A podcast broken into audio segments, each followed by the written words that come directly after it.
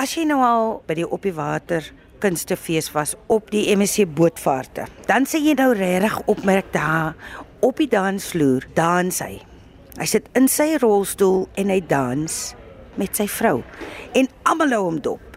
En ek het hom nou so gesit te dop en gewonder, weet jy? Susan Paxton het nou die dag met hom gesels oor toeganklikheid, maar ek wil baie graag weet wie Gert is en wat gebeur het en graag daai storie aan julle bring en dis presies wat vandag gaan gebeur. Hy sit langs my. Baie baie dankie dat ek met jou kan gesels Gert. Ek wil net by jou hoor. Jy sê jy was in 'n motorongeluk toe jy nog 'n tiener was. Hallo Heidi. Baie dankie, dis 'n voorreg. Ehm um, ja, ek het groot geword in Albertinia, klein dorpie in die tuinroete. Uh, skool gegaan, Hoër Landbouskool Oudtshoorn, net na matriek, uh, 85 matriek geskryf en ehm um, toe ek begin werk by die Destyds Departement Korrektiewe Dienste. Uh 13 Desember daardie jaar, uh 86, was ek in 'n motorongeluk. Ek en 'n vriend in 'n motorongeluk naby van Wyksdorp. Die ambulans het my kom haal die nag. Ons het dus die aand ons was op pad om te gaan dans in die dorp Saterdag aand. Ambulans het my kom haal na Riversdal Hospitaal toe gevat. En ja, daar aangekom die dokters my ingelig dat ek is verlam.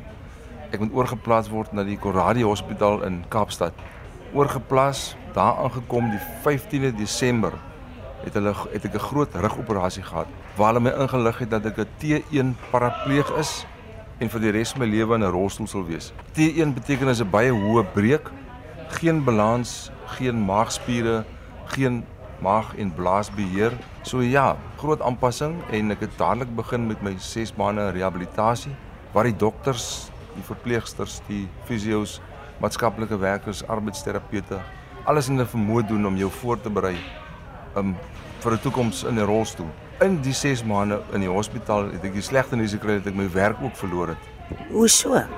Um ek is medies ongeskik verklaar nadat die dokters gesê het ek kan klerikale werk doen. Maar ja, ek moes dit manoeuvreer as 'n dubbele skok. Toe was ek nog in my opleidingsfase. Jy het verskillende tipe werke gedoen. Terug na my ouer huis in Albertinia, en as jy ontslaan word uit die hospitaal is dit waar die groot aanpassing ja. begin want dan moet jy die ware Jakob begin dan. Danksy my geloof die opvoeding wat my ouers my gegee het ondersteuning van vriende en familie was dit vir my maklik om my aanpassing te doen en voluit te gaan vir die vir die lewe. Ek het in die hospitaal baie kwadriplee vriende gehad wat van die nek af verlam is. En hulle was en is nog steeds my groot inspirasie mm.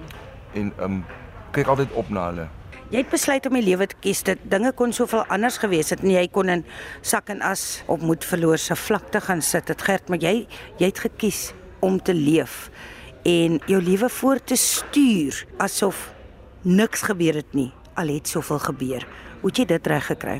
Ja, ek was baie sportief op skool en ehm um, toe het uh, gedurende ons rehabilitasie stel hulle jou voor aan verskillende sporte in in, in wat jy in die rolstoel kan beoefen.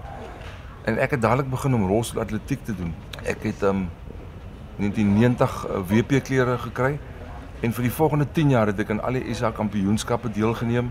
93 is ek oor Switserland toe om bietjie meer ondervinding op te doen. Daardie selfe jaar word ek gekies vir die SA magtespan. Um wat ek nog steeds onder korrektiewe dienste se naam deelgeneem het. Um Engeland toe oorgegaan en ek het dit het baie goed gegaan. Ek het 5 goue medaljes gekry. Fantasties. En en en toe ek terugkom toe wil die minister my sien. Jessie. Ja. Toe sê almal vir my nou moet jy praat en toe het ek nou gekla en gesê ek is medies ongeskik. Ek het nie werk nie en hulle het my ontslaan en hy dadelik gereël dat ek dat ek kon terugkom. 94 Junie het ek my werk teruggekry. So ja, ek is nou amper 28 jaar terug wat ek weer die werk teruggekry het. 7 jaar verloor by korrektiewe dienste. Ja. Ooh, het die lewe vir jou toe verder verloop? Want jy was, as ek dit reg het, op 26 bootvaarte wat jy meegemaak het. Jy's by elke fees lyk dit my wat op 'n skip is. Ag, dis nou maar net vriende het ons in 2009 op 'n bootvaart geneem en ek was maar baie senuweeagtig vir die jy weet hoe dit voel baie keer bereik baie keer die grondpad. Maar ja, en en die gogga het my gebyt. Ek het net verlief geraak op bootvaart as gevolg van die toeganklikheid vir van die rolstoel, die storte, die toilets, die die jy kan sien alles is gelyk en en hulle kyk verskriklik mooi na ons. So ja, en ek dis net 'n liefde wat ek ontwikkel het vir vaart en toe kom Covid en toe het ons nou 'n bietjie gestop. Nou gaan ons weer aan, die vaar ons al weer. Jy's vinnig in daai rolstoel. Kyk, jy draai en draai en jy dans met jou vrou. Sy dans saam met jou. Nou hoe het jy daai vervolmaak? Jy ken jou storie. Ek en sy het nog nooit geleer of ja, ek het 'n wonderlike vrou wat 'n liewe Jesus vir my gegee het en uh, van die begin af ek was toe geloop het vir dans en toe ek in die rolstoel kom toe ek maar nou net aangehou. En van die begin af het ek sy net geklik. Die mense op die boot vra vir haar, "Hoe lyk jou tone?" En sy sê vir hulle nog nie een toon het seer gekry nie. So ja, ons het net geklik en dit werk net perfek vir ons. Hoe lank is julle getroud? Vertel vir my 'n bietjie meer van julle liefde. Ehm um, ek het haar ontmoet in 2007. Sy was getroud. Ek was nog nooit getroud nie. Haar man is oorlede en ehm um, 2007 het ons ontmoet en ehm um, van 2008 af bietjie uit, uitgegaan. Ja. Ons was 5 jaar verloof en in 2016 is ons getroud. En ja, hier gaan ons nog steeds. Baie goeie vrou, baie lief vir en sy's baie goed vir my. Jy sien die ding is ook ehm um, sy aanvaar jou nes jy is. Dis wonderlik. En dit dis fantasties want dit is nie maklik om met 'n gestremde oor die weg te kom nie. Daar's baie obstakels, daar's baie uitdagings soos ek uh, vir Susan gesê het is is is, is nie altyd maklik nie, maar ja. En ek dit waardeer ek van haar dat sy dit so aanvaar. Veral eh, as ons wil weggaan, as ons wil iets gaan doen, dis altyd die toeganklikheid se die probleem. Maar ja, sy is baie ondersteunend en ons laat wy. Wat bly nog vir jou droom? En beoefen jy nog atletiek? Onge ek het die afgelope 10 jaar, ek het na my atletiekjare het ek begine handfietsry ry. Die platfietsse wat ons so lê.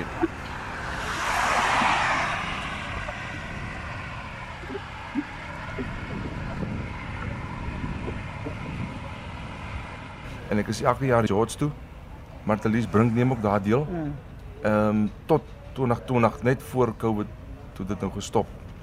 So ja, ek sal graag nog wil fietsry, maar um, ons weet nie wat die toekoms inhou nie, maar sal positief bly en en ja, ek hoop om nog 'n vaart of 3 in te werk in die toekoms. Yesie.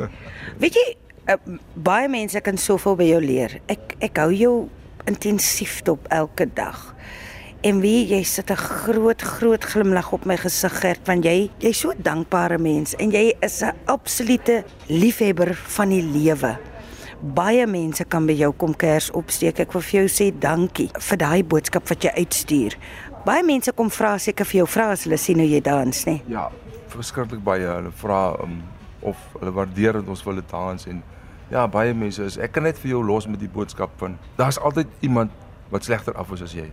So ons moet dankbaar bly, ons moet waardeer en ons moet respekteer. Dit is baie belangrik. As jy wil gaan loer na Gert en hoe lekker Gert dans. Ons het foto's opgelaai van Gert. Dan het ons 'n video opgelaai. Jy kan geloer by www.rsg.co.za waar ons die video vir jou gaan oplaai dat jy kan gaan kyk. En ehm um, ja, dit sal 'n lied in jou hart plaas. Baie dankie Heidi. Baie dankie vir jou Gert. Ek voel geëerd en ek hoop ons sien mekaar nog sommer ja, gereeld. So. Baie baie dankie.